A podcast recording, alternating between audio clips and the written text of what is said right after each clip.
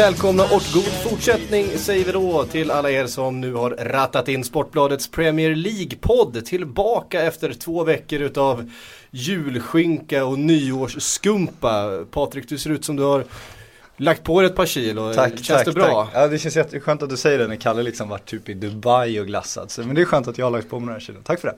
Patrik Kalle Karlsson, välkommen tillbaks till eh, Premier League-snacket efter dina utlandsvistelser. Mår du bra? Tackar, tackar. Jag mår alldeles utmärkt. Mm, jag har varit hemma härligt. och käkat skinka i ett par veckor så att nu mår jag fint. Nu kör vi så det ryker. Men Dubai, älskar de fotboll i Dubai som Jag var i Singapore, jag var i Singapore, Singapore Fan, så att jag trodde kan du- inte svara ja, okej. riktigt på hur Då är du inte lika Men jag vill att du svarar på hur, hur situationen är i Dubai ändå. Ja, Ja, eller hur? Nej men det jag kan svara på är hur man följer Premier League från Singapore. Det var ju lite intressant faktiskt att eh, kvällsmatcher, eller så ska jag säga, veck, eh, helgmatcherna som spelas på eftermiddagarna blir perfekt till när man går ut och käkar på kvällen. Däremot så eh, veckomatcherna, de eh, kommer ju liksom 3-4 på natten så då får man sitta och streama dem och eh, vara väldigt trött dagen efter. Så att eh, det är inte så lätt att följa Premier League där borta som man kan föranledas att tro med tanke på intresset där borta. Nu vet du hur NHL-poddens Jonathan Ekeliv har det varje dag. Exakt. Sitter uppe på nätterna, han ser aldrig solen den stackaren. Äh, tufft. Vi har ju faktiskt en hel omgång att eh, ta oss an. Det spelades en full omgång igår, nyårsdagen. Eh, och vi börjar förstås med stormatchen mellan Manchester United och Tottenham. Som blev en eh, solskenshistoria för eh, gästande Tottenham. Men mörkret verkar ha återvänt till Old Trafford efter en period av eh, fina resultat för Manchester United. Så fick man eh, nu en blytung förlust emot sig. Och jag börjar med att ställa frågan, skulle Ashley Young haft straff och skulle Juris varit utvisad?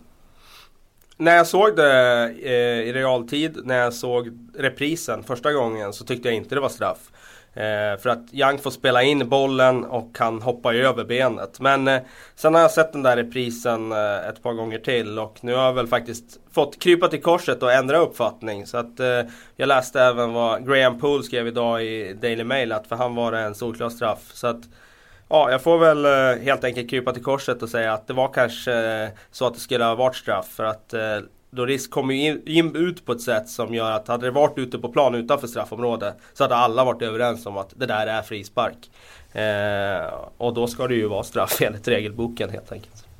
Skulle då eh, Juris också Nej, det ty jag, jag tycker inte att han skulle varit utvisad för det. Men eh, ett gult kort kan man ju få för en sån satsning. Mm. Patrik? Ja, jag kan ju inte säga emot Kalle Karlsson. Kommer till sådana här situationer. Eller Nej, men jag håller med, men det känns, det känns ju inte som det, alltså okej man kan prata om straffen och det hade kanske blivit en poäng istället för noll för United. Men om man ser till tabellen så spelar det ju egentligen ingen roll. Alltså krisen är ju en kris ändå. Mm. David Moyes var ju minst sagt upprörd. Han, bland annat så liksom riktade han kritik mot vilka är det som anställer de här domarna egentligen? Och det är Howard Webb som dömer. Vi, vi pratar en av världens profilstarkaste Transferfönstret domare. öppet, transferfönstret öppet. Han har gått Howard Webb. Han är såld ju, det är ju tydligt. Det är Chelsea som köpte in honom. Det där är nu. Den här konspirationsteorin med eh, Howard Webb och United, den kanske handlar mer om eh, Sir, Alex Fer- Sir Alex Ferguson. För det, det är lite intressant. Om det hade varit eh, Ferguson istället för eh, Moyes som hade spänt ögonen i Howard Webbs nacke, hade det blivit straff då? Det får vi ju aldrig veta men jag tycker det är en intressant aspekt för att jag är helt övertygad om att det var så under Sir Alex åren att domarna kände att de hade hans ilska i, i, liksom i nacken. Så att eh, det påverkar inte i, eh, långt ifrån i alla fall men eh, liksom, när det stod och vägde ibland så tror jag definitivt att det var en faktor. Och Roberto Martinez som är en mycket sansad man, han pratade ju faktiskt om det här inför mötet här i, precis före jul. Just om det där med Fergie-faktorn på det sättet. Nu har han ju börjat förvandlas till Fergie också. Han är så rasande på domarna och går ut på, på det där Sir Alex Fergusons sättet. Så att det kanske Det är verkar någonting inte vara någon som är positivt. rädd för David Moyes, det är väl det som är Han skillnaden. ser ju lite snäll ut alltså. Det är ju sådär att man måste ju bygga upp den där fruktan med resultat. Eh, skulle Moyes eh, inlett den här säsongen med att vinna ligan och liksom fortsätta i Sir Alex spår. Då hade han ju byggt på den där fruktan till nästa säsong. Då hade han liksom haft en tyngd bakom den där liksom Liksom kritiken om man hade fortsatt klaga på domarna nästa år. Om man hade liksom vunnit titlar och sådär. Men som läget är nu när laget är i kris, då är det ju ingen som fruktar David Moyes när han kommer och säger att det där är det sämsta domslutet jag har sett. Vilket det såklart inte var. Jag menar, det var ingen, eh, det var ingen skandal på något sätt. Det var straff men det var inte mer än så. Mm. Eh, intressant eh, statistik om vi nu ska fortsätta på spåret Moyes Ferguson. Är att David Moyes nu har tappat 16 poäng på 10 eh, hemmamatcher den här säsongen.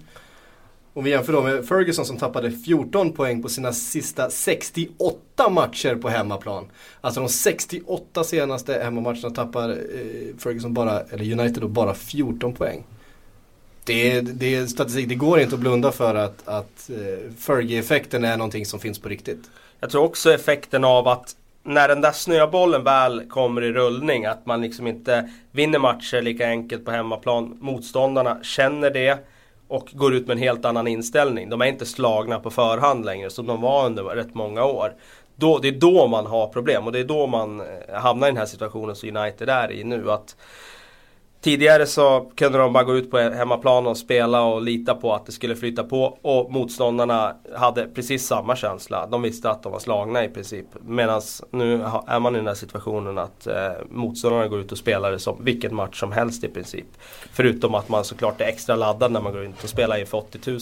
Men Sherwood sa ju precis där innan matchen också att jag har varit här många gånger och, och tidigare varit så att vi, man alltid liksom räknar med att man inte ska få någonting med sig. Men den här gången så så är det annorlunda, någonting har förändrats på Old Trafford och han, sa, han satte liksom en ganska offensiv taktik, vilket han också sa innan att han liksom inte, inte var dugg rädd för det längre. Man ska ha respekt för United men liksom, så det var ju helt andra tongångar mot vad det var för något år sedan när någon skulle besöka Drömmarnas teater. Jag tror inte Tottenham hade åkt dit och spelat 4-4-2 eh, för tre år sedan.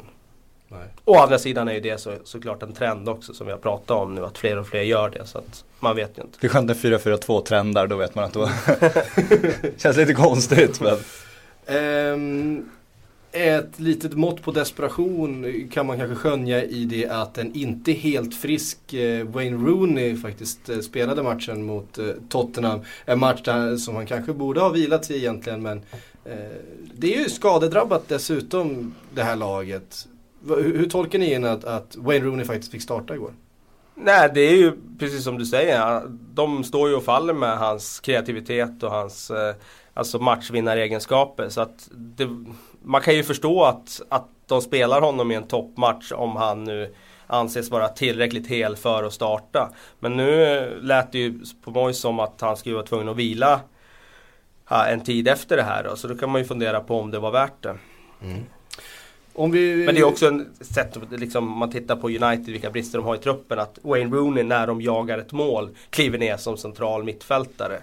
Då ser man ju alltså vilka brister det finns i, i den där truppen. Mm. Men det är samma trupp som, som Sir Alex tog guld med? Det är det. Eh, men det är spelare som har blivit ett år äldre och inte ett år bättre. Jag menar, Patrice Evra, han är ju eh, han har ju gått fullständigt ner i källaren nu. Och det var ju liksom man säger ja, Lennon gjorde det bra igår. Och han var ju väldigt bra. Men alltså jag skulle säga att vilken ytter som helst i ligan skulle kunna dominera mot Patrice Evra nu. För hans defensiv har varit katastrof i flera månader. Mm. Om vi skiftar fokus då från eh, ett krisande United till ett tidigare i alla fall krisande Tottenham. För eh, där har ju vinden på många sätt vänt sedan man eh, sparkade Vias Boas och tog in Tim Sherwood ett eh, ganska oväntat namn men som har fått eh, resultat. Är det här en tillfällig boost vi ser eh, eller har Tim Sherwood förändrat Tottenham så pass mycket och faktiskt fått ut den här potentialen ur den faktiskt ganska fina truppen han har att tillgå eh, i kontrast då till vad Vias Boas fick. Alltså, jag tycker det finns anledning att vara lite orolig tycker jag. För att eh, det Sherwood har gjort är ju att han kommit in och liksom släppt hästarna lösa. Han har ju liksom släppt alla handbromsar och bara, men ut och kör nu grabbar. Och det finns ju eh, den här klassiska att man lyfter när det kommer en ny manager. Det beror ju delvis på att spelarna då måste, liksom de måste nästan överprestera direkt för att visa att vi vill ha kvar vår plats i laget eller vi vill komma in i laget som Adebayor måste göra. Så att energin höjs ju, liksom engagemanget höjs ju per automatik. Och det kan man ju leva på då om man liksom har, har den kvaliteten och har det engagemanget och liksom kör bara. Men det, det kommer ju inte funka i liksom en hel liga känns det som. Det kommer ju komma dippar om man då har det här släpp hästarna lösa och inte har någon, någon riktigt taktisk plan bakom och falla tillbaks på. Sjunker engagemanget och kanske liksom prestationen lite då, då, då är man ju ganska ihålig. Mm. Det är lite som under Ari Ja precis, Nej, men det är ju lite åt det hållet som man jobbar. Det är liksom tillbaka till 4-4-2. Det är eh, inte alls samma eh, liksom, taktiska eh, eh, vad ska jag säga, strukturella modell som eh, eh, Vias Boas jobbade med. Han jobbar ju med minutiös liksom, eh, liksom, noggrannhet i hur spelarna skulle göra. Jag tror att det var helt rätt att gå, gå tillbaka med tanke på hur, hur det såg ut under Vias Boas sista tiden. Hur torftig den där offensiven såg ut. Att gå tillbaka på att ja, men nu, nu släpper vi lite grann. Och gå ut och spela, gå ut och ha kul. Lite som Ari eh, gjorde med Tottenham. Den största förändringen han gjort är såklart att han gått upp på tvåmannaanfall. Och det var ju någonting vi diskuterade i den här podden tidigare. Om man skulle göra det och vi efterlyste det. Och han har ju uppenbarligen fått effekt av det. Adebayor har varit väldigt bra. Soldado ja, har ju faktiskt också fått ett lyft. Även om han inte gör några spelmål så har han ju faktiskt gjort några riktigt fina framspelningar nu senaste veckorna. Så att det kanske är så att inte bara fått igång Adebayor utan även kanske får igång Soldado. Och då är det ju en synergieffekt eh, på flera spelare. Ja för vad säger man om Adebayor? Han verkar ju eh, trivas under Tim Sherwood minst sagt.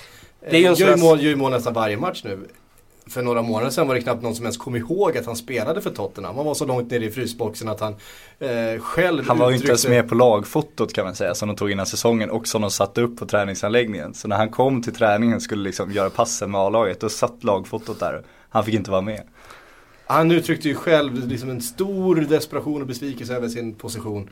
Helt plötsligt har livet förändrats för Emanuel och hans pris och hans, eller hans prislapp och hans eh, attraktionskraft på eh, i ett januarifönster också. Om nu Tottenham är intresserade av att ja. avyttra honom som man har uttryckt vid flera gånger tidigare. Jag kan inte säga att de skulle släppa honom med tanke på att det är en klubb som man pratar om behöver en anfallare. Nu har de fått in honom som de redan egentligen hade i sina egna eh, lager. Men eh, att de skulle släppa honom nu det är, är ore, liksom orealistiskt. Tvärtom så borde de bygga laget kring honom. För att jag, precis som Sherwood sa igår efter matchen, när han spelar så här så är han nästan ostoppbar. För han har alla kvaliteter som man kan kräva av en anfallare när han är i form. Tyvärr är han ju inte det alla dagar. Och jag tror inte han kommer vara det hela våren heller. Men det handlar ju, han är en sån där spelare som, han, han behöver kärlek. Har han en tränare som gillar honom, som tror på honom, som knuffar honom i ryggen och i rätt riktning så, så levererar han. I alla fall ett tag. Tills, tills han har fått skriva det där nya kontraktet. Och sen verkar det som att han, han liksom går ner sig. Du får en kärlek på banken Nu spelar han ju för nytt kontrakt här igen och då, då levererar han. Mm. Men han är väl lite såhär fuck you-spelare, är inte det? Alltså nu vill han ju visa Vias Boas också liksom att du din jävel. Det känns lite som de här fotona som kom upp även fast det påstås att de togs innan matchen. Men, och liksom att han blir lite så extra tänd Han behöver verkligen triggas igång på något sätt. Mm. Vi har fått in en läsarfråga kring eh, Tottenham, vi har fått in många läsarfrågor, eller lyssnarfrågor. Varför fortsätter jag säga läsarfrågor? Du jobbar på tidning. tidning. Ja, men det är så. Eh, och Pia Karlsson skriver till oss på Twitter så här. Vad händer med de som Sherwood verkar ha fryst ut? Det rör sig alltså om eh, till exempel Sigurdsson och Holtby som ju var eh, nästan givna under Vias Boas under den här hösten. Som nu inte har fått spela alls i stort sett. Vad händer där? De har ju väldigt många alternativ Tottenham så det blir ju automatiskt så att det kommer ju vara spelare som hamnar i frysboxen. Ja, under VS Boas då hade vi vissa spelare som var det, Adebayor. Och eh, nu är det andra spelare som såklart kommer hamna utanför laget. Och så, så länge de gör resultat så, så, tror jag att han kommer att fortsätta på det här. Sen har han ju dessutom lyft fram och lyft in lite egna spelare som Ben Taleb och Harry Kane fick ju också hoppa in igår. Och det gör ju att det blir ännu fler som slåss om det och aktuella för spel till nästa match. Så att eh, det är väldigt hård konkurrens om, om platserna nu i Tottenham. Jag menar, Lamela känns ju inte alls som att han är aktuell för att starta någon match nu. Nej. Det är det positiva också, det är det som talar för att de ändå kan behålla engagemanget och sådär. Att liksom, du, du är inte säker på din plats. Alla bra lag har ju den situationen. Det finns liksom killar som är i frysboxen som är för bra för att vara en frysbox. Men kommer en skada så får de chansen, då ska de kunna prestera. Mm. Samtidigt så tror jag i och för sig att Holtby kanske kan ha fördel av eh, övergången på 4-4-2 för att jag tycker inte att han är någon nummer 10-spelare. Jag tycker inte heller att han är någon defensiv mittfältare i ett 4-2-3-1.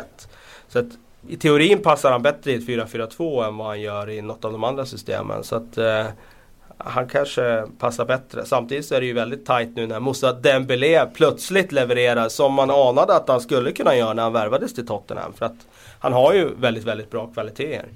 Och nu har han ju varit bra, riktigt bra i två matcher i rad här. Mm.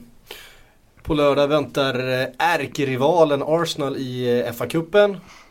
Ett Arsenal som fick vänta ända till den 88 minuten innan Niklas Bentner av alla människor kunde sätta ettan. Eh, sen gjorde Theo Walcott också 2-0 några minuter senare. Niklas Bentner tillbaka i målprotokollet. Han har aldrig varit borta från målprotokollet, även fast han inte gör mål så är han där. Han bryter sig in i målprotokollet. Han jobbar in. Nej, men det är lite synd om honom nu för att vi har ju, eller jag har, jag ska inte säga vi, jag ska inte dra ner det här.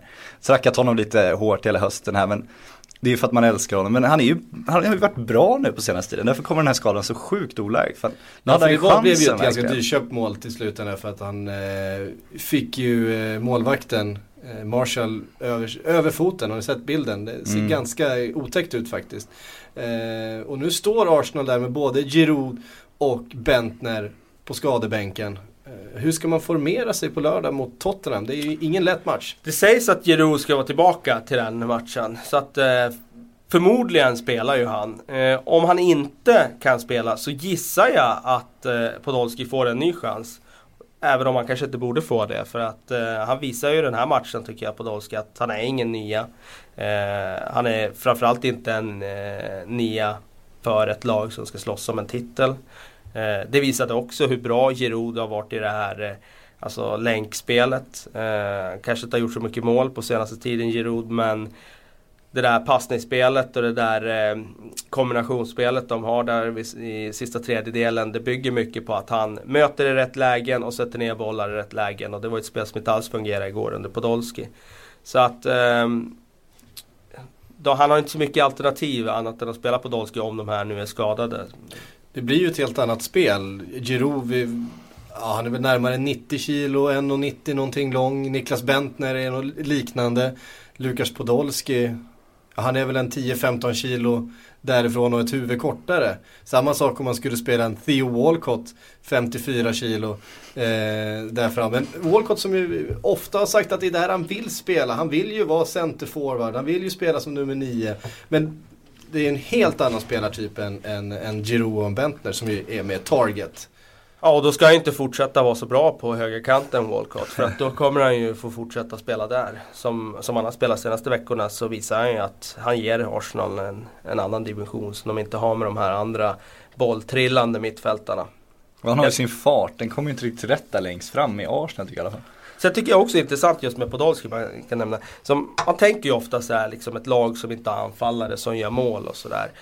Podolski är ju kanske den bästa avslutaren i Arsenal. Han är ju förmodligen en av de bästa avslutarna i hela ligan. Han är ju dödligt kliniskt eh, när han väl får lägena. Men det behöver inte innebära att laget fungerar bättre. Även om man får in den där duktiga avslutaren. Utan det, det, det, kan vara så att även om man inte har en anfallare som spottar in mål i omgång efter omgång. Som inte Giroud har gjort de senaste eh, månaderna. Så kan det ändå vara så att man som lag fungerar bättre eh, genom att ha en sån spelare.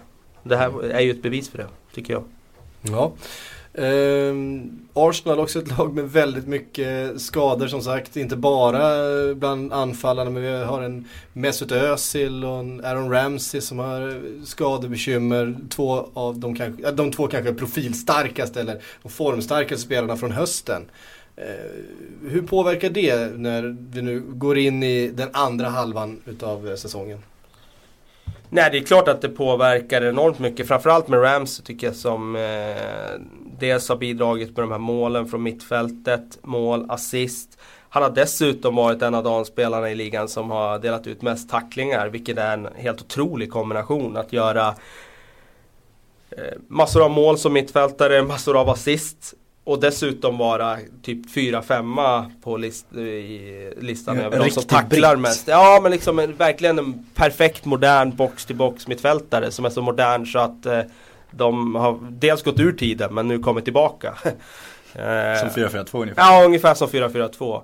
Eh, så att det, och jag tycker eh, där eh, har inte Arsenal någon som kan gå in och ta den rollen riktigt som Ramsey och göra det lika bra som han har gjort det i höst. Så att det är ett enormt avbräck. Özil vet vi är otroligt bra på att hitta öppningar och hitta avgörande passningar. Framförallt mot de här eh, lite sämre lagen i ligan. Så det är klart att det, det är ett enormt avbräck det också. De har ju klarat hyfsat ändå utan dem. Ja, det, blev, det blev ju trots allt en 2-0 seger igår mm. även om det satt långt inne mot ett Cardiff som ju inte har fått den här boosten riktigt av att sparka tränaren.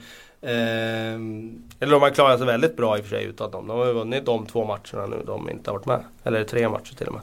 Är det så? Mm. Jag minns inte. Ja, de har väl haft en förlust också. Ja, där mot City, men då var ju Ösel med. Så att...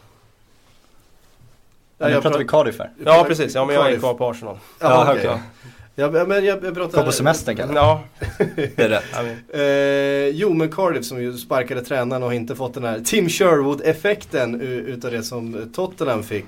Eh, när man sparkade då Malky Mackay. Malky Mackay.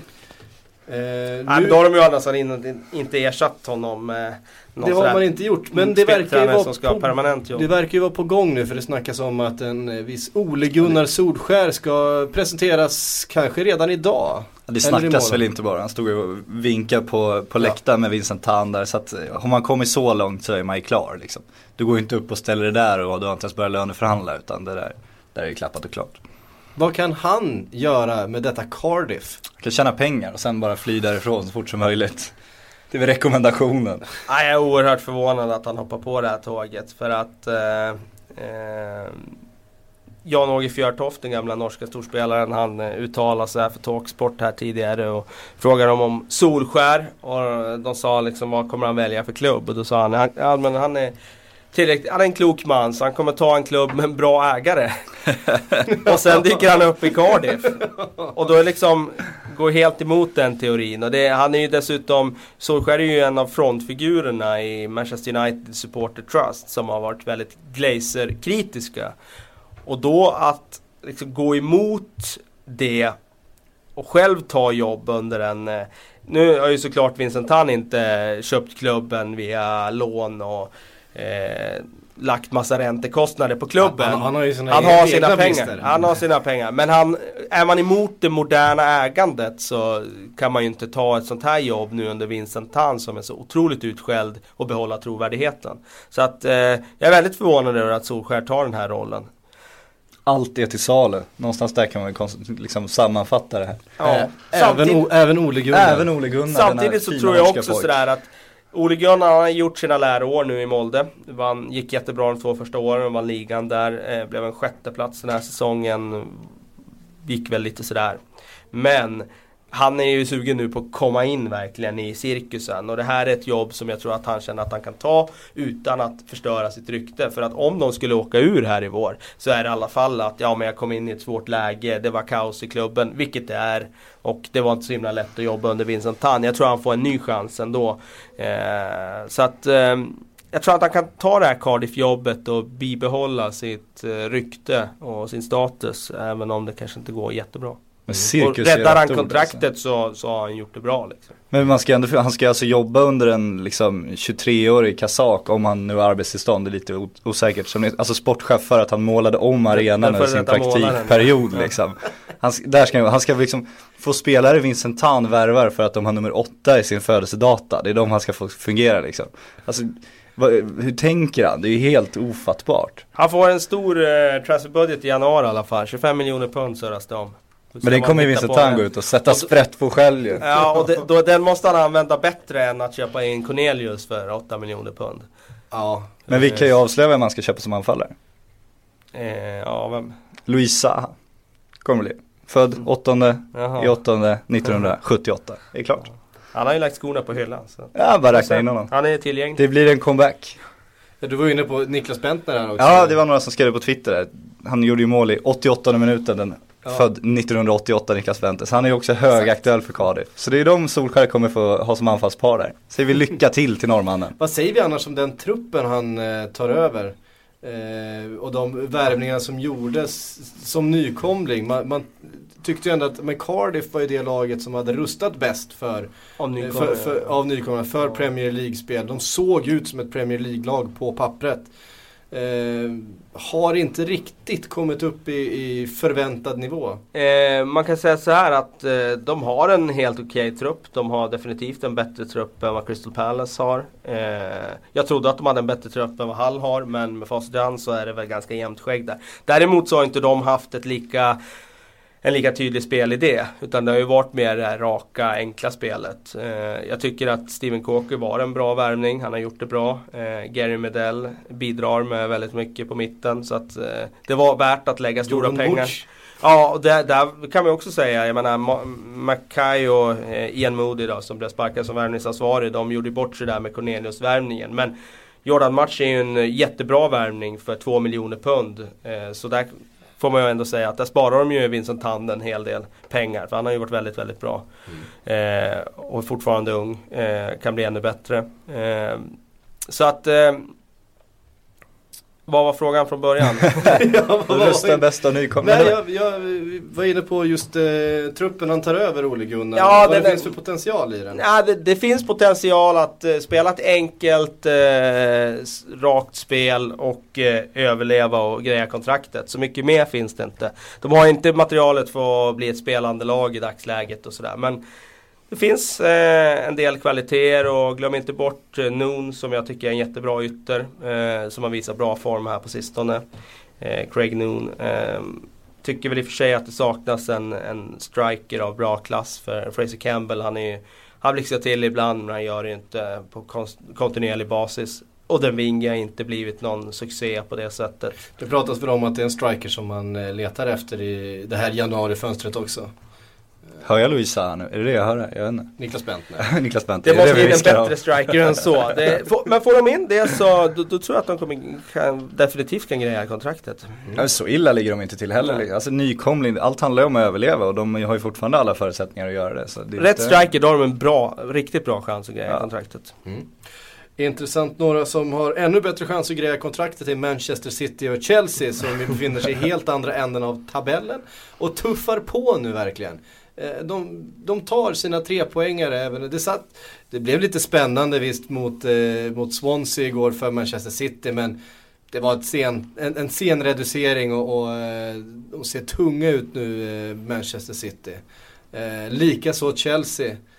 Men det var ju det här vi pratade om hela hösten när Arsenal var uppe, när Liverpool var uppe. Då, då sa vi ändå det, alltså, vad händer kring, kring jul när matcherna blir tätt och vad händer när Arsenal börjar få lite skador? Det är då de här Chelsea och City, det är då de verkligen pumpar igång och det, det ser vi verkligen. Plus att de bytte managers, det kan ta ett tag och verkligen sätta maskineriet. Och jag tycker, José Mourinho tycker jag, det är nästan skrämmande hur man ser på Chelsea att det är José Mourinho som tränar dem nu. Alltså hela, hela laget andas ju José Mourinho, hela uppställningen. De kan liksom åka till bortamatcher och bara döda fotbollen i 90 minuter, åka hem en poäng och det är sjukt imponerande. Ja, jag är också otroligt imponerad. Alltså tycka vad man vill om han som person och hans snack utanför och hit och dit. Men det han gör är rent coachmässigt är ju väldigt imponerande. Han är så otroligt flexibel i det han eh, ställer ut på planen. Det är liksom ena matchen när det ser laget ut på ett sätt och nästa match ser det ut på ett helt annorlunda sätt. Och han får nästan alltid effekt av det. Och styrkan i truppen, den ser vi ju när de kan kasta in spelare som Oscar och William som liksom kommer in nu och är helt matchavgörande borta mot SA-15 och de vinner med 3-0.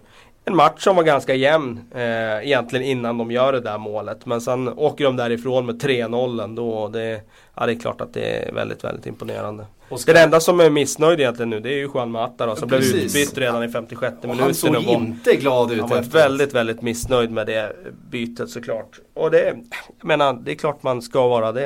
Eh, jag menar, det- han var lagets bästa spelare i två säsonger och nu är han ute i periferin.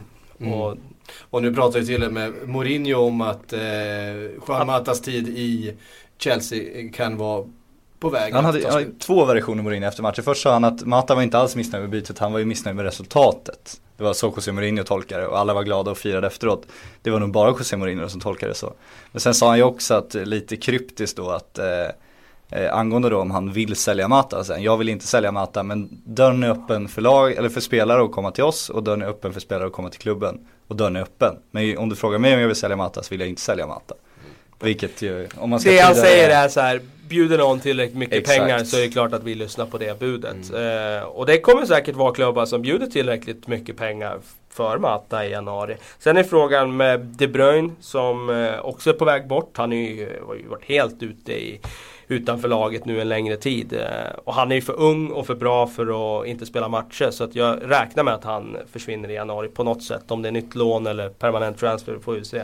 Och då är frågan om de släpper honom, om de även då eh, vågar släppa Juan Mata. Det är det som är frågan. Jag tror att han blir kvar det här halvåret också, men vi får se. Hur som helst, som du var inne på så verkar ju José Mourinho föredra Oscar.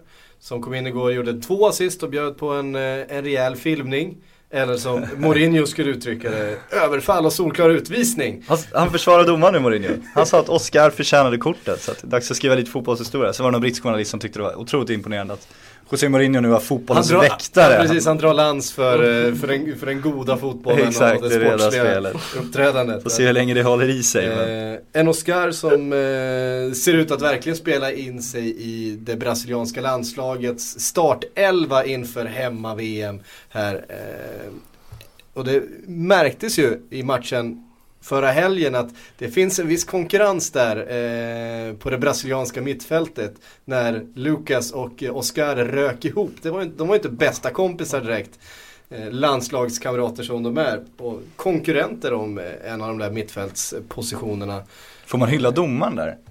Han fick mycket skit för den matchen, gjorde en väldigt dålig match. Men just det, jag gillade när, när de rök ihop där och de nästan slogs med varandra. En lite fegare domare hade ju antingen varnat båda eller visat ut båda. Men han liksom, ja men grabbar, lugna ner er nu, skärp er, det är fotboll. Och sen lirar vi på liksom.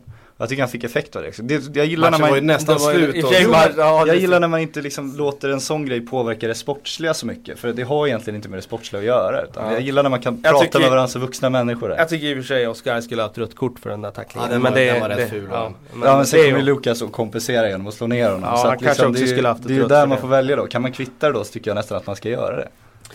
En spelare som hoppas få representera det här landet i sommar men som absolut inte är given är ju Liverpools då Coutinho. Som eh, förstås väldigt gärna vill och som många gärna ser och han han, han, vill ju def- han vill ju så desperat försöka göra avtryck och skjuter på allt just nu. Eh, han jagar målen. Är det det här eh, att, att försöka bli den här spelaren, den här synas mycket i målprotokoll och så vidare för att ta en plats i VM i, i, syd, eller i Brasilien. Eh, Men det är nog är, det, är det det han har i, i bakhuvudet? För att det, det känns som att man, en, en allt mer frustrerad Coutinho att bollarna inte riktigt trillar in. Nu gjorde han visserligen mål mot Manchester City men eh, sett till matchen igår så, så sköt han ju liksom på allt som, som rullar framför fötterna på honom. Det är svårt att säga om det är det, men jag tror att om man ska, jag säger inte att det är det han gör, men om man ska in i Brasiliens trupp som är, som är väldigt satt kan man säga. De har ju haft lite som strategi att behålla, behålla sitt lag känns det som och inte peta så mycket i det. Det är nog svårt att komma in i det på, på jättespelmässiga grunder så, utan det är väl om man gör mycket mål så att man får igång det populistiska snacket, det som Erik Hamrén har en tendens att falla för gång efter annan. Det är väl någonstans den vägen man kan ta då, att det liksom blir omöjligt för en förbundskapten och inte ta ut en spelare eh, av liksom rädsla för att om det går åt helvete då så är det det alla kommer peka på. Så jag tror att det är nog den enda vägen in i Brasiliens VM-trupp. Men Ja, jag har ändå svårt att se honom ta den. 8-9 mål eh, Exakt, under så andra att det liksom blir eh, omöjligt. Hade han gjort mål igår när han i solosprang halva laget där så var det ju ett mål som hade gett eko i alla fall runt om i fotbollsvärlden. Men Han lite, lite, lite, avslutsträning kanske på eh, Filipe Coutinho. Eh, någon som gjorde mål igen var ju Suarez efter sin evighetslånga måltorka här på två matcher. Skruvar in en frispark eh, igår igen uppe på 20 mål nu. Men bara tre utav dem har kommit mot topp 8-lag. Kritiken, eh, kritiken lever kvar. Det är ju ändå spännande, det är ju de som vill honom illa kanske som gräver fram den statistiken men det säger ändå någonting och jag tycker framförallt att man såg mot Chelsea hur lätt det var att plocka bort Suarez. Han var liksom, de gjorde honom, jag tycker bara de flyttade på honom. Jag, jag vet inte om det är så lätt egentligen men Chelsea gjorde det väldigt bra. Ja, jo absolut, Eh, men jag menar och- det känns inte som, det- man, som man har den omgivningen. Alltså plockar du bort en stjärnspelare i Manchester City, det brukar man ju alltid, det är det här klassiska, ja men då får de andra mer utrymme. Och det är ju så det är, plockar du bort Luis Suarez i Liverpool, Danny Sturridge är skadad. Det finns ingen riktigt som drar nytta av det utrymmet, det är min känsla i alla fall. Nej, det är möjligt. Eh, det ska sägas där kring den statistiken är ju att många av de här matcherna har ju varit på bortaplan. Eh, så att eh, han har väl eh, avsevärt större chans att förbättra det om han ska möta alla de här topp 8-lagen på, på hemmaplan här på Anfield i, i vår. Ja, för det är ju bara Manchester United som man har eh, mött på hemmaplan. Eh, av de här topp 8-lagen. Eh, Nej, han var inte med i den matchen. Nej, då var han ju dessutom avstängd. Nej, däremot mötte han United borta då i ligacupen. Det var ju hans comeback-match. Exakt. Ehm, vi tar oss tillbaks till bottenstriden där Fulham tog en behövlig revansch eh, från förnedringen mot Hull förra helgen. När man slog krisande West Ham med 2-1. Steve Sidwell, eller kungen som jag brukar kalla honom.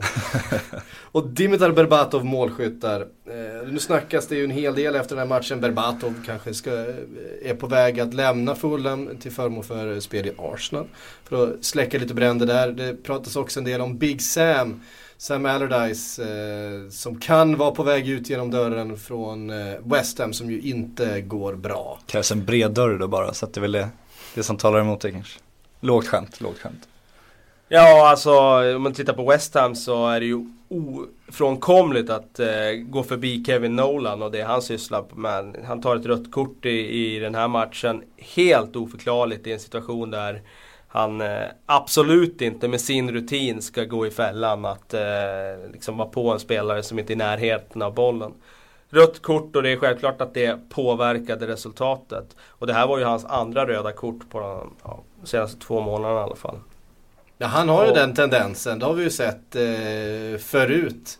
Att han eh, gärna spelar på gränsen. Men han har ju också varit en av, av West Hams eh, viktigaste spelare när han väl har varit på planen. Ja, det har han varit. Framförallt förra hösten tycker jag han var det. Eh, sen eh, hamnade han väl lite i en svacka där under våren i fjol. Och sen den här hösten tycker jag han har varit väldigt, väldigt svag. Eh, inte bidragit med i stort sett någonting. Och då kan man ju undra om det beror då på att Andy Carroll inte har spelat. Så det inte har blivit det här vanliga spelet i West Ham med långboll och sen någon som nickar ner bollen framför fötterna på Nolan. För han är väldigt, väldigt eh, lite involverad i passningsspelet. Eh, nu har ju inte West Ham något eh, sådär, så, sofistikerat passningsspel direkt. Så att, men alltså som, som nummer 10 spelare och vara så lite involverad i spelet. Det tror jag, jag, jag har ingen statistik på det men jag tror det är ganska unikt i eh, Europas fem toppligor. Jag tror inte det finns någon tia som är mm. så lite involverad som Kevin Nolan är. Och gör inte han mål och assist då, då bidrar inte han med någonting tycker inte jag. Eh, nu har han gjort det i, i ett par matcher här. Eh, så därför var det ju väldigt olyckligt att han då nu i senaste matchen gick och tog ett rött kort som innebär att han kommer vara borta i tre matcher. Mm. Och det är dessutom en Samuel Allardyce-spelare, en av hans verkligen gunstlingar. Så att eh, eh, när han inte ens har Nolan liksom som levererar och verkar ha huvudet på rätt plats, då, då har han det jobbigt Big, Big Sam. Ja, det har han onekligen. Eh, någon som eh, fick lite mer eh, arbetsro eh, efter den tunga förlusten mot Hall var ju René Mjulenstein som eh, ersatte Martin Joll tidigare under säsongen här. Fulham tillbaka i vinnarsitsen. Eh, har man hittat formen lite mer nu? Känd, hur, hur, såg man ut mot, eh, mot West? Nu fick man spela med en man mer. Eh, och man fick in både Steve Sidwell och eh, Berbatov i målprotokollet. Hur, spel... Ja, man kan i alla fall eh, peka på att Aaron Hughes var ju förpassad till bänken nu och det känns ganska naturligt med tanke på att han har inte alls varit den Aaron Hughes som han har varit tidigare. Väldigt trygg och pålitlig och gör få misstag. Den här hösten tycker jag har varit eh, ytterst svag. Eh, vilket eh, ja, hela Fulhams försvar har varit i princip. Eh, nu gjorde Senderos mål och det kommer väl säkert göra att han eh, känns bofast i alla fall de kommande veckorna i det där försvaret. Parker är ju väldigt viktig för dem eh, och varit bra de senaste veckorna här. Så att eh, Parker, att han får vara hel, det känns som nyckeln nu för, West, eller för Fulham snarare än liksom Berbatov och det som sker där bakom ett av målen igår också. Ja, gjorde han. Berbatovs. Um, vidare så var Stoke ytterst nära att ta alla tre poängen i mötet mot Everton. Det hade förstås eh, varit en triumf eh, för det laget efter eh, mål av Asaidi. Men straff av Baines på stopptid väl. Eh, gav ett kryss. Helt alldeles horribelt agerande av Jermaine Pennant som hoppade in. Och så först fäller Leon Osman och utan att domaren blåser. Och då tänker man så här, okej okay, han fäller han en gång då kanske man borde liksom ha sinnesnärvaro att inte kliva dit nästa gång. Ah, typ en sekund senare, Osman har rest sig upp, petar iväg bollen och Pennant kommer och bara klipper undan benen och där kan vi snacka om solklar straff. eh, det var liksom en stonewall penalty som man säger. Så att... Eh, Pennant inte, inte gjort sig känd som en, de mest balanserade nej, killarna heller. Nej, eh, så att eh, om Mark Hughes skulle vara förbannad på någon så gissar jag att han var det på Jeremy Pennant som bjöd Everton på en straff på tilläggstid. Mm, då säger vi om Stoke Alona då som ju nästan eh, då tar alla tre. Förutom ett hjärnsläpp utav Pennant så, så har man ju en seger mot, mot eh, tunga och svårspelade Everton. Eh, hemma. Va, va, vad säger vi om det spelet som de levererar just Tycker nu? inte att de har varit så bra egentligen senaste tiden. Eh, jag tyckte det fanns en period i höstas när man såg tendenser på att eh, det hade hänt väldigt mycket spelmässigt och de såg spännande ut och de spelade bollen efter backen på ett sätt som vi inte har sett dem göra tidigare. Men senaste veckorna här så har jag inte liksom varit så jätteimponerad av det jag sett av dem. Mm. Eh, Newcastle missade chansen att eh, hänga på ordentligt. Man förlorade mot West Bromwich igår. Eh, Newcastle som faktiskt hade kunnat eh, kliva med där, kliva förbi ett Manchester United. Eh, julförbannelsen, det är nu det, de skiljs. Eh, de här topplagen och de som ska bli ett mittenlag. Typ Newcastle, typ Manchester United kanske. Om man ska dra det hårt nu. Nej men det är nu, vi brukar säga att det avgörs nu och Newcastle har inte med men nu börjar det bli jobbigt. De fortsätter blanda och ge Newcastle. Kan ju leverera eh, topprestationer med eh, riktiga bottennapp. Man vet inte riktigt vart man har eh, Alan Pardew och hans franska främlingslegion. Ja, exakt. Det var ju, det, där var det ju också en ytterst äh, märklig, äh, märkligt agerande av Debussy som bara hoppar in i en tackling i ett läge där han absolut inte behöver göra det. Och Visst, han träffar bollen men det var dobbarna före och båda benen var sträckta så att det var, det var ett solklart rött kort. Mm. Eh, och det, ja, Straffmål av 18-årige Saido Berahino. Som ju faktiskt har gjort ett avtryck den här säsongen med sina fyra mål. Eh, blott 18 år gammal. Eh, också var, var bofast i, i U21-landslaget, det engelska. Eh, det är ett hyfsat sparkapital man har där i West Bromwich. Ja verkligen och med tanke på att de tappade Lukaku inför den här säsongen. Eh, ersatte honom med Anelka som eh, inte var speciellt bra eh, under hösten. Vaknade till liv här borta mot West Ham och spottade in två mål men sett över hela säsongen har han bidragit med väldigt lite. Så det är självklart att det har varit viktigt med att få in liksom fler spelare som kan göra det där. Vydra har varit skadad en hel del. Lång har gjort mål som vi har sagt i etapper. Ketchup-effekt eh, på hand där i ett par matcher. Eh, så att, eh, att ha någon som kommer in och, och kan bidra med mål där är jätteviktigt. Jag tycker han är det är inte bara mål från Berraino utan han är väldigt, väldigt eh, intressant anfallare. Rörlig, Kreativ. lurig, kan göra en spelare som han gjorde mot West Ham innan han dunkade in den i bortre där. Eh, så att en väldigt, väldigt eh, spännande spelare. En del snack nu om att han skulle vara joker till, eh, till VM i somras, sommar här men jag tror att det är för tidigt. Mm.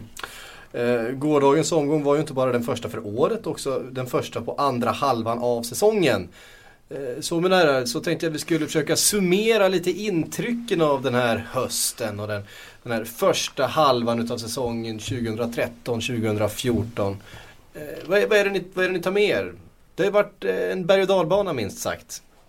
Ja, det har det verkligen varit. Det jag tycker som man kommer ihåg mest är ju den här, det här skiftet att de här gamla lagen är uppe i toppen igen, Arsenal och Liverpool. Och, och det finns ju lite spekulationer nu i England att det här Financial Fair Play faktiskt ska ha någon effekt. Man fick se Chelseas förlust nu på 50 miljoner pund. Eh, men den är, kommer ändå inom ramarna för, för Fair Play, för de gjorde en liten vinst förra året. Och om det då är det skiftet som sker nu, att Chelsea har dragit, dragit ner på de här växlarna lite, vilket José Mourinho också var inne på, vi kommer inte vara kungarna i januari. Då finns det den här möjligheten för Liverpool och Arsenal och de här klubbarna som inte har de fantasisummorna. Och faktiskt att det, att det blir det gamla vanliga igen, att det blir en mer rättvis konkurrens. Sen kan man ju ifrågasätta vad City gör där när de pungar väl ut med 90 miljoner i somras utan att gå i vinst på något sätt. Så att det är väl de som, som talar för att det inte är så. Men om det är så, om Chelsea nu anpassar sig till Financial Fair Play, vilket de sagt, då är ju liksom Liverpool och Arsenal tillbaka i toppen. Mm. Eh, vi har haft en hel del tränarkaruseller. Det var en tränarkarusell inför säsongen. Många som, eh, några som gick i pension och några som fick sparken och nya som kom in. Och, eh, om jag inte har räknat fel så har vi fem sparkade tränare eh, under den här hösten. Vilket ju är anmärkningsvärt minst sagt eftersom det är så tidigt på säsongen. Eh, vad säger vi om det? Är det här en trend eller är det ett resultat av att vi har haft en väldigt svajig säsong helt enkelt? Där, där resultaten har varit väldigt svåra att förutse. Det är, en, eh, det är ett resultat av att tålamodet blir kortare och kortare i dagens fotbollsvärld. Man pratar om, eh, om att ha tålamod men det är svårare att visa det när resultaten börjar gå, gå emot den. Eh, vissa av de här träningssparkade tränarna är ju ytterst märkliga. Steve Clark till exempel tycker jag framstår som en märklig sparkning. Trots att de kanske inte har visat resultat det senaste året så är det ändå svårt att se eh, vinningen av att sparka honom. Eh, så att, eh, men däremot finns det ju andra sparkningar, jag menar, där, där man har sett en effekt. Eh, Sunderland ser, ja. ser bättre ut eh, med Poero eh, jämfört med Di Canio. Eh, Vias Boas och Tottenham har ju fått en effekt här med Sherwood. Vi får se om det håller i sig. Så att, eh, och i och för sig har ju West Bromwich också fått en effekt nu med nu med Keith Downing som leder laget. Han har inte förlorat nu på fyra matcher. Så att eh, vi får se eh, om det blir ännu fler sparkade tränare här i vår. Det känns som att Sam Allardyce sitter löst. Chris Hutton sitter löst i, i Norwich. Det kan vara två som har fått gå här inom kort tid. Men du kan ju inte ha långsiktighet heller. För liksom, som ett bottenlag, du har inte råd att gå ner i kämp. Du kan inte tänka så här, ja men vi ligger i botten nu men, men vi kan gå ner ett år, vi behåller den här truppen, vi bygger vidare på det, vi ser, vi, det här kommer löna sig på lång sikt. För går du ner i Championship, dina intäkter minskar ju så drastiskt så då måste du bygga om din trupp. Du kan inte ha den långsiktigheten. Så därför blir det den desperationen. Samma, är du topp fyra, du, om du missar Champions League, att de här storlagen. Vi såg på Chelsea nu, Eh, de gick ju plus nu när de vann, eller när, liksom, när det gick bra i Champions League. Sen kommer det ett år när det går dåligt i Champions League. Då är det plötsligt en, liksom, en enorm ekonomisk förlust. För även för dem handlar det om att hålla sig där uppe. För annars, du har inte råd med det annars. Du måste liksom förändra truppen så mycket. Så att långsiktigheten är ju, den går ju inte att ha. Nej, sex eh, spelar, eller tränar, eh, tränare har fått lämna. Eh, kommer jag fram till nu, inte fem. Eh, en ta... enorm skillnad. En när du sitter och säger. Skillnad, men rätt ska vara rätt. Absolut. Eh, vi har alltså, eh, bara för att redogöra för dem, Spurs, West Bromwich, Fulham, Cardiff, Crystal Palace och Sunderland. Intressant. Några fler intryck från den här hösten. Några galna ägare har vi också fått, fått, fått följa. Alltså, det finns ju inga galna sen Vincent Tan kom liksom. Det är ingen som kan mäta sig med honom. Det finns ju ingen motsvarighet. N något som är intressant dock att fundera på det är ju just det här med sparkningen av Malcolm Mackay har ju fått så enorm sympati där eh, från omvärlden och sådär. Men hur hade det sett ut med den sympatin eh, om han inte hade gjort de här horribla grejerna som att ändra tröjfärg och liksom byta ut klubbmärket och sådär. Om han inte hade gjort det han var ändå en ägare som kom in, gav dem pengar tillräckligt mycket för att de skulle ta sig till Premier League. Där och då så var han ju liksom populär. Sen gjorde han de här grejerna och eh, liksom genomförde de grejerna och blev extremt impopulär. Men hade han inte gjort det, hur hade den här sympatin sett ut då? Ja, det är en grymt bra poäng för Mackay har fått, han har ju fått cred för att han tog dem till Premier League. Men om man kollar när han kom in, det var en enormt skuldsatt klubb liksom. Det var ju tokkris. Så den största hjälten för att de kom till Premier League, det är ju Vincent Tan. Det är ju inte Malcolm Mackay. Mm. Vi lämnar eh, hösten bakom oss, känns det bra? Kliva in i ett nytt år, en ny vår. Ljusare tider ja, som man brukar nej, säga. Det känns eh, alldeles utmärkt. Det är ju en jämnare och mer liksom roligare toppstrid än vad det varit någonsin i Premier League med så många lag. Nu får vi se hur länge det håller i sig. Finns väl en risk att ett par lag kommer, kommer ja, sticka lite här? Det, det känns som eh, det är tre, fyra nu som, som har skaffat sig ett litet eh, Då tycker jag vi dundrar rakt in på Fredrik Johanssons lyssnarfråga. Eh, lyssnarfråga, bra. Nu var det ingen... Precis, nu var jag på det. Satt den. Han vill att vi ska förutspå tabellens slutgiltiga topp 4 och botten 4. För nu har det gått halva säsongen. Botten fyra? Botten ja. tre antar jag Ja, botten fyra menar du? Ja, det är väl, ja det är en botten, vi, vi ger den botten tre då. Ja, okej. Ja. Kan inte bjuda på den fjärde där Kalle? Nej, Nej, det känns lite, det känns eh, inte, inte så eh, intressant. Nej. Någon måtta får det vara. Men en eh, topp fyra nu när vi har spelat halva säsongen, det tycker jag man kan bjuda på. Ja absolut. Vad- City eller Chelsea topp? Vad säger du? Nej, jag är ju City eller Arsenal i topp. Oj, det är så. Eh, och sen får vi se om Mourinho lurar mig. Eh, och tar den där titeln. Men jag, jag, jag tror att eh, City eller Arsenal tar titeln. Eh, jag vill stå för det liksom. Jag har sagt det nu under hösten. Så att jag vill inte hålla på och hatta fram och tillbaka med det. Även om Chelsea nu framstår som en rejäl titelkandidat. Den topp fyra som ligger nu, den eh, ska jag tippa idag så tror jag att de kommer ta de fyra platserna. Det är alltså Arsenal, inte- Manchester City, Chelsea och Liverpool. Precis. Och bottenfyran skulle jag tippa på Sunderland, jag skulle tippa på Crystal Palace. Och sen är det det där tredje laget. Som är väldigt, väldigt svårt att pricka in. Men eh, West Ham näst sist just nu. ja, Vi har Cardiff tre poäng framför, vi har Fulham en poäng eh, före dem. ja. Det... Tror vi att Men det är det de, det är de här- det kommer handla om? Tippar utan- jag här och nu så ska jag säga West Ham. Men kommer Andy Carroll tillbaka och gör rätt värvningar i januari då kan ju såklart det där vara förändrat. Mm. Ehm, jag håller med. Ja men man, man säger inte emot Kalle. Men det man kan säga, okej Liverpool Ja, det 4, kan man men då, då joggar. United hem Champions League så att Liverpool ändå missar CL där. Det är väl så det kommer sluta då eller?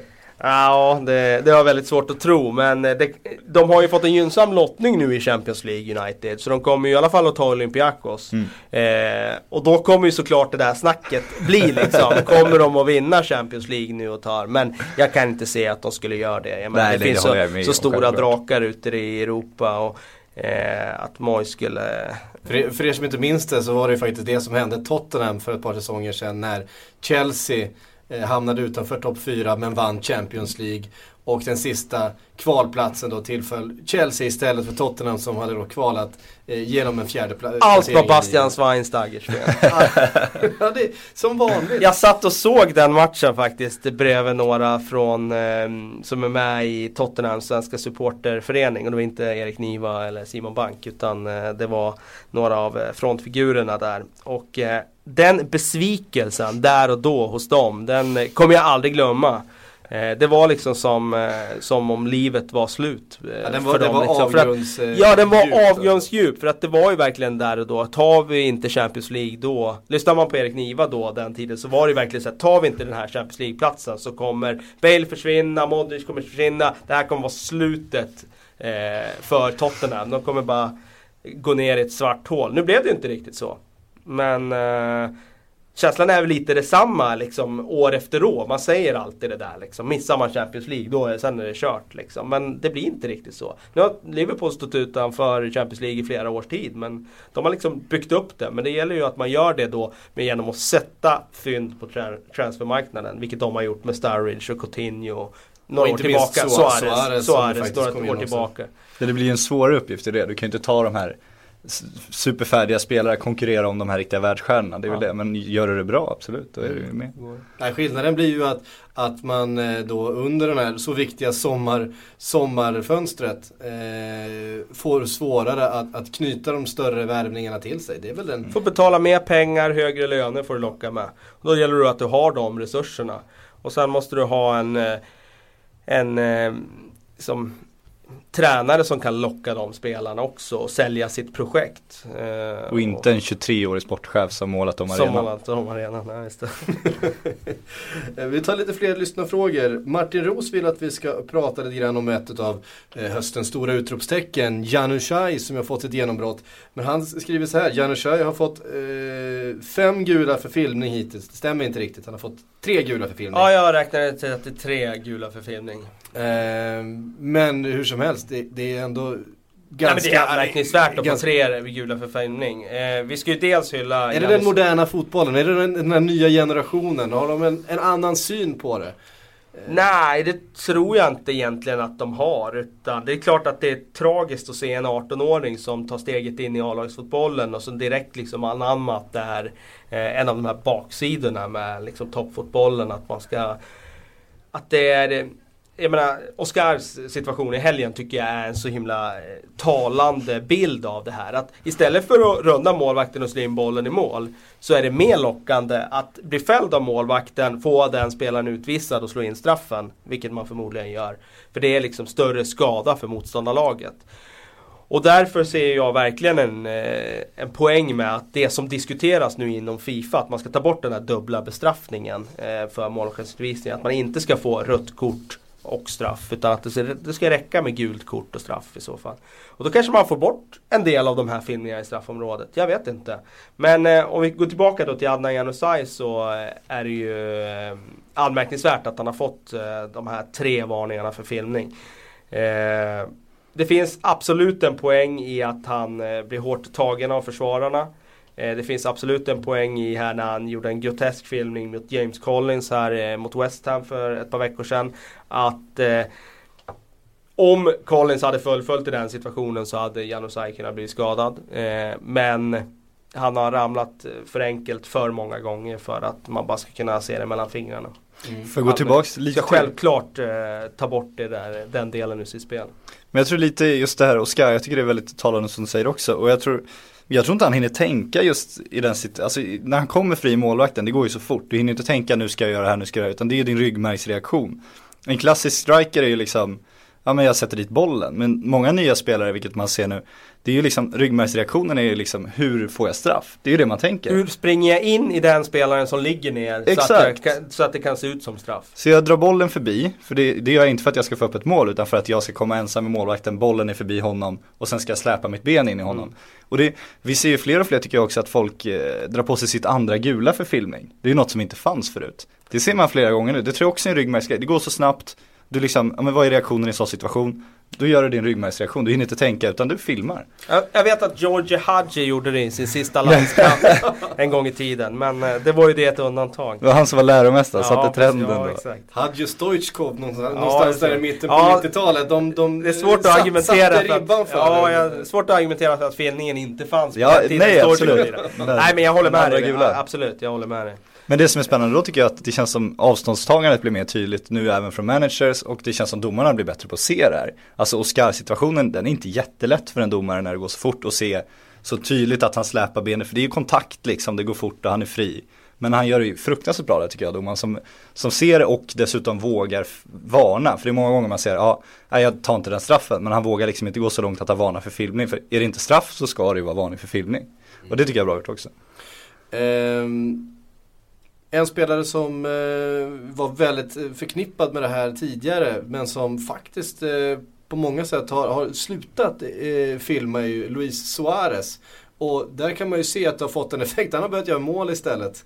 Eh, för att trilla omkull så fort det kommer någon i närheten. Kanske en, en lärdom till de här yngre spelarna att det finns en, en förtjänst i att, att lägga sen, det beteendet ja, sen, sen, sen är det ju två olika grejer också, filma och överdriva. Som Danny Welbeck nu igår här, han filmade ju inte. För Krikes träffade ju hans ben. Men han överdrev ju. För man flyger ju inte sådär av att någon träffar honom. Bara lite lätt. Och det är ju samma sak med Suarez. Det han gör fortfarande det är att han överdriver sina fall. Han filmar inte på det sätt som han gjorde tidigare. Men han överdriver sina fall. Och det där gör ju egentligen typ alla fotbollsspelare i hela ligan. Och jag tycker ju att det är också allvarligt. Eller det, det, det, borde vara samma påföljd för det. Att överdriva fallen på det där sättet som som, eh, jag, jag är mest upprörd över att försvarare gör det för de, de, de åker aldrig dit på det. Nej, vi, de såg, vi, såg, vi såg till exempel Martin Skertel igår filma ganska grovt eh, i en situation i eget straffområde, få en frispark med sig. Eh, och det är ganska enkelt för en domare att... Eh, och det blir ingen debatt om det efteråt. Nej. Det är det jag är upprörd mest för. Men det är ju klassiken, du är i en pressad situation som försvarare. Då vänder du ryggen till, liksom, Känner en blåsning Känner någonting i ryggen och sen, och sen bara faller ja. Och det är ju som du säger så lätt för domaren För motsatsen, om man, domaren inte blåser så är det ju nästan friläge då. Ja. Vi tar en sista fråga. Eh, Tom Bergsten undrar, vad fan händer med Jovetic? Ja, det är, en, det är en bra fråga. Han eh, är fortfarande skadad, håller på att kämpa sig tillbaka. Han har ju varit skadad en stor del av hösten, kom tillbaka, gjorde ju ett par mål där i någon ligacupmatch. Och man tänkte att ja, men nu kanske han är på gång där. Men då blev han ju skadad igen. Och känner man till hans historia med de allvarliga skadorna han haft tidigare så är det ju oroväckande. Eh, finns en enorm eh, potential i den grabben. Eh, det är bara hoppas att han kan bli hel nu här till våren. Och att han kan få lite speltid. Samtidigt så är det väldigt svårt att slå sig in i den där City-elvan. Eh, oavsett, spelar de med två anfallare så ser jag ingen direkt plats, eh, given plats för Jovetic. Eh, spelar de med en eh, eh 4-2-3-1 som de gör ibland så kan han ju kanske baxas in i den där elvan någonstans. Men eh, det blir tufft för honom. Det är, det, är, det är en hyfsad spelare att ha om man ska baxa in en Jovetic i, i elvan med den formen han hade i Fiorentina, i, i Fiorentina ja. förra säsongen. Men sen vet man ju inte, just med skadorna i fel ålder, det är det Lex Michael Owen, klassiska exemplet. Han har ju sagt det själv också, den där skadan han fick slut i Liverpool va? Så liksom han blev aldrig sig själv igen, han fick aldrig samma känsla, han fick aldrig samma fart. Och liksom, fel skada, fel ålder kan... Det var väl i landslaget på... som han eh, skadades? Nej, det, det, den skadan han pratar om det är ju någon lårskada han drog tidigt i Liverpool faktiskt. Mm. När han var, redan var 19 år. Eh, en baksida lår och han kände att han aldrig egentligen eh, fick tillbaka samma snabbhet efter det. Men det beror också på vilken typ av spelare du är. Mm. Jovetic är ju ingen fartspelare sådär. Det beror på lite vad det är för typ av skada han fått. Tidigare i Fiorentina var ju något knäskada. Det är liksom ja, såklart allvarligt. Men eh, jag tror han kan komma tillbaka ändå med tanke på att han har ett större register än Michael Owen. Han är inte bara fart. Nej. Eh, och alla ni som lyssnar, vi ska knyta ihop den här säcken nu, alla ni som saknade Silly-pratet här, för vi har inte pratat speciellt mycket övergångar och rykten i den här podden. Eh, ja, ni kan sappa in på våran eh, systerpodd Sillypodden som är tillbaka och som ska spelas in om bara en liten stund där. Så är detta håll... rum utan syre? Ska vi prata ännu mer Juan Mata? Jajamän. Eh, så håll utkik efter den så hörs vi här i Sportbladets Premier League-podd om en vecka. Till dess, ha det så fint. Hej då.